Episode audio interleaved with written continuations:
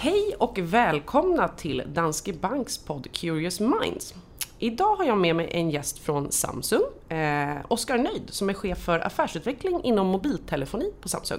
Han är här för att prata lite om framtidens betalningar. Hej Oskar och välkommen! Tack så jättemycket!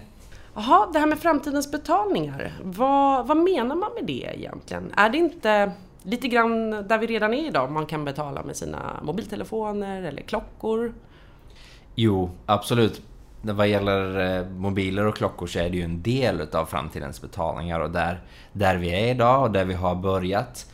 Vi lanserade Samsung Pay i Sverige för lite drygt 12 månader sedan och mycket av fokuset för oss har ju varit kring att, att eh, få med så många bankpartners som möjligt för att ge möjlighet till alla som vill prova och vara med på den här resan mot framtidens betalningar. Och vi ser att också Samsung Pay, användandet växer otroligt snabbt. Eh, här i Sverige så är vi ju väldigt digitala, kontantlösa, vana vid att använda mobiltelefonen till i stort sett allt.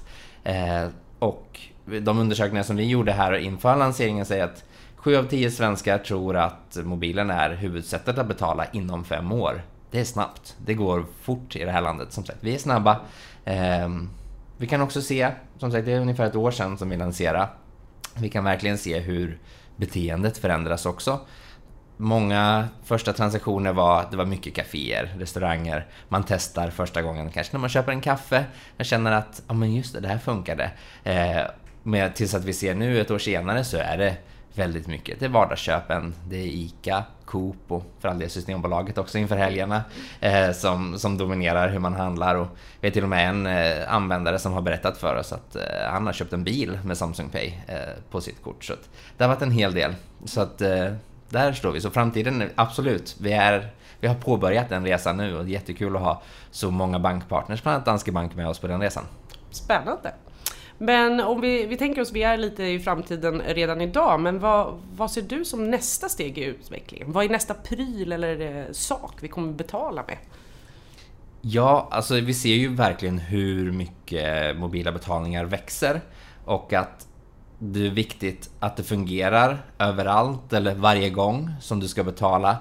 På Samsung så har vi ju en, en egen teknik, förutom då NFC så har vi någonting som vi kallar för MST och utan att bli för teknisk i det här sammanhanget så kan vi säga att det gör att man kan lita på att det fungerar på alla typer av terminaler. Så det tror jag är en väldigt viktig del när vi ser liksom hur, innan vi tar nästa steg i utvecklingen så måste också tekniken vara redo. Att bankerna är med och att acceptanssidan är redo. Där är vi för Samsungs del. Men Sen pratas det ju oerhört mycket om just det här trendordet osynliga betalningar.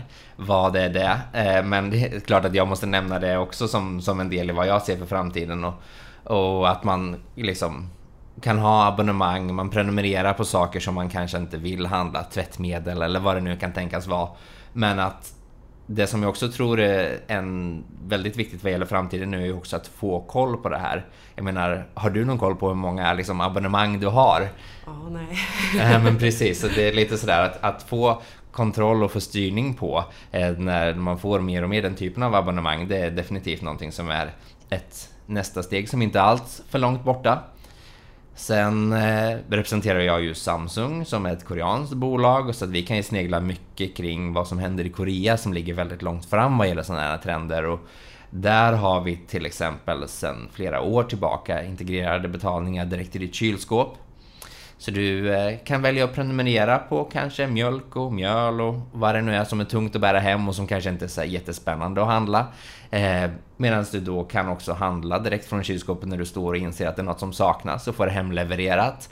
Så där kan vi liksom Även om vi pratar om att det är nästa steg i Sverige så är det ett steg som vi kan se i verkligheten bara man åker ja, till Korea. Det är en bit åka men, men det är inte jättelångt. Så, så eh, det är definitivt en del i, i utvecklingen och vikten av den här typen av samarbeten som vi har med på Danske Bank. Att, att hitta liksom samarbetsmöjligheter för att stärka, liksom kundkraven kommer ändras hela tiden och att man är med där och hittar affärsmodeller också. Det har vi från Samsungs sida alltid varit helt öppna med att anledningen till att vi gör Samsung Pay är inte, är inte för att vi vill låsa in konsumenterna eller, eller göra någonting eh, bara för sakens skull utan vi vill leverera någonting tillsammans i partnerskap med Danske Bank som gör att det är enklare och smidigare i vardagen för eh, konsumenten och det är ingen, inte en tjänst som vi ens tar betalt för av varken banker eller handlare eller konsumenter. Ja, det här med förändrade kundbeteende driver verkligen eh, eh, den digitala revolutionen. Eh, men det har ju pratats mycket också om säkerhet kring mobila betalningar. Och jag såg att en undersökning bland annat som ni har gjort då, visar att en del tvekar en del inför att använda den här typen av betalningar via ja, men klockor och mobiler. Eh, för att man tror att det är är mindre säkert än att stå där med sitt kort. Eh, är det någonting man behöver vara orolig för egentligen? För det första så kan jag säga absolut inte. Eh, det behöver man inte vara orolig för. Men här har vi ju ett stort gemensamt arbete att göra, vi som jobbar med betalningar nu. Att, att se till att konsumenten är medveten om att om ditt kort är i mobilen så har du precis alla fina skydd som du har på ditt plastkort vad gäller om din resa blir inställd eller ditt hotellrum och så vidare. Men att du har dessutom extra lager med säkerhet när kortet ligger i mobilen. Vi pratar att man har biometri, alltså du låser upp med ditt fingeravtryck eller din iris-scanning eller face recognition har vi också. Eh, och att dessutom varje transaktion som görs eh, är ett unikt så kallat token. Jag ska återigen inte här för att prata teknik jättelänge, även om jag kan göra det. Så är syftet med tokenisering är att det är i alla fall ett engångsnummer som är unikt för varje betalning. Så vi vet att 58% visar våra undersökningar av alla konsumenter är oroliga för att använda sina kort på vissa ställen för man är rädd för kanske skimming eller... Och vi har alla tappat bort plånboken någon gång, det tror jag varenda människa har gjort. Så att just det där att liksom känna sig trygg med att det är ett engångsnummer som bara går att använda en gång. Därför kan ingen skimma eller använda mitt kort på något annat ställe. Eh, det, om man skulle tappa bort det, det är en, liksom ett extra lägre säkerhet som, som vi har lagt på. Mm. Eh, ni lanserade ju för ungefär ett år sedan, lite drygt. Eh, vad hade ni målsättningen då och hur ser det ut idag? Har ni fått in så mycket användare som ni hade hoppats på? Alltså, jag måste säga att det går som tåget. Det går, det går eh, med en jättebra eh, och med en rykande hastighet för Samsung Pay i Sverige. Eh, vårt första fokus var ju som sagt att få in så många bankpartners som möjligt så att alla konsumenter som har en Samsung-mobil och som är nyfikna på det här framtidens betalningar kan få vara med och testa. Och det vi ser nu är ju också framförallt vilket enormt engagemang det driver i sociala medier. Att när vi eller Danske Bank pratar om mobila betalningar eller Samsung Pay specifikt så ser vi jättemånga som går in och kommenterar, likar, taggar varandra. Eh, liksom det driver ett enormt engagemang och det, tillbaka till affärsmodellen för Samsung så bygger ju inte den på att vi ska hitta någonting helt nytt här utan det handlar ju om att, att göra användandet av våra mobiler lite mer nöjda i vardagen, känna att de har någonting bra som de kan lita på att använda. Eh, och så därför är just det här engagemanget i sociala medier är ju det största och bästa betyget vi kan få på att det går bra.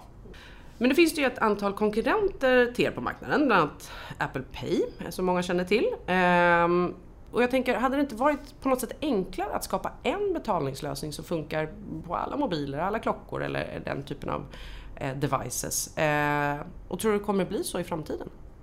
Alltså det kan ju låta som smidigt att bara ha en lösning men jag tror på alla sätt och vis att konkurrens är bra. Det driver nya smidiga lösningar för konsumenten.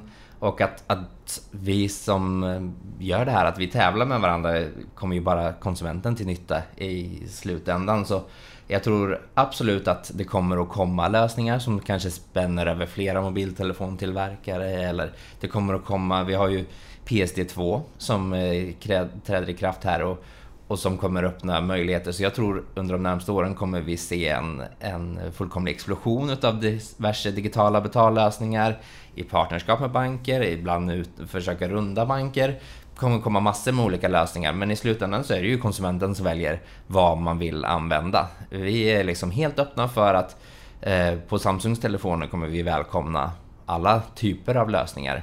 Bara en sån sak som Google Pay till exempel kommer fungera på våra mobiltelefoner också. Sen är det upp till konsumenten vad man föredrar. Men jag tror absolut att konkurrens, det är bara bra för konsumenten. Mm. Okej då, men som en sista fråga. Eh, vi pratade i början här i podden om att vi redan är i, i framtiden egentligen. Men om hundra år, kommer vi ens ha pengar? Kommer vi behöva göra betalningar? Hur, hur tror du? Hur, kommer, hur kommer det se ut? Ja men vilken eh, spännande fråga. Hade jag svar på det så skulle jag eh, vara rik eller vad säga. Men eh, det jag tror på, som sagt 100 år är en lång tid, men det vi ser en jättetydlig trend idag är det här med delningsekonomi och att nya, eller liksom eh, young millennials eller nya konsumenter nu kanske inte har ett behov av att äga sin bil, mobiltelefon, allt vad det nu är. Mycket det här liksom att lisa, hyra, eh, äga abonnemang istället. Det tror jag är en trend som är här för att stanna. I hundra år får vi se, men eh, i alla fall att, att eh, ägandeskapet och nya sätt att betala och äga saker, det tror jag är en trend som, som är här för att stanna. Spännande. Men Oskar, då får jag tacka dig så otroligt mycket för att du kom hit idag och gästade våran podd. Tack så mycket. Tack.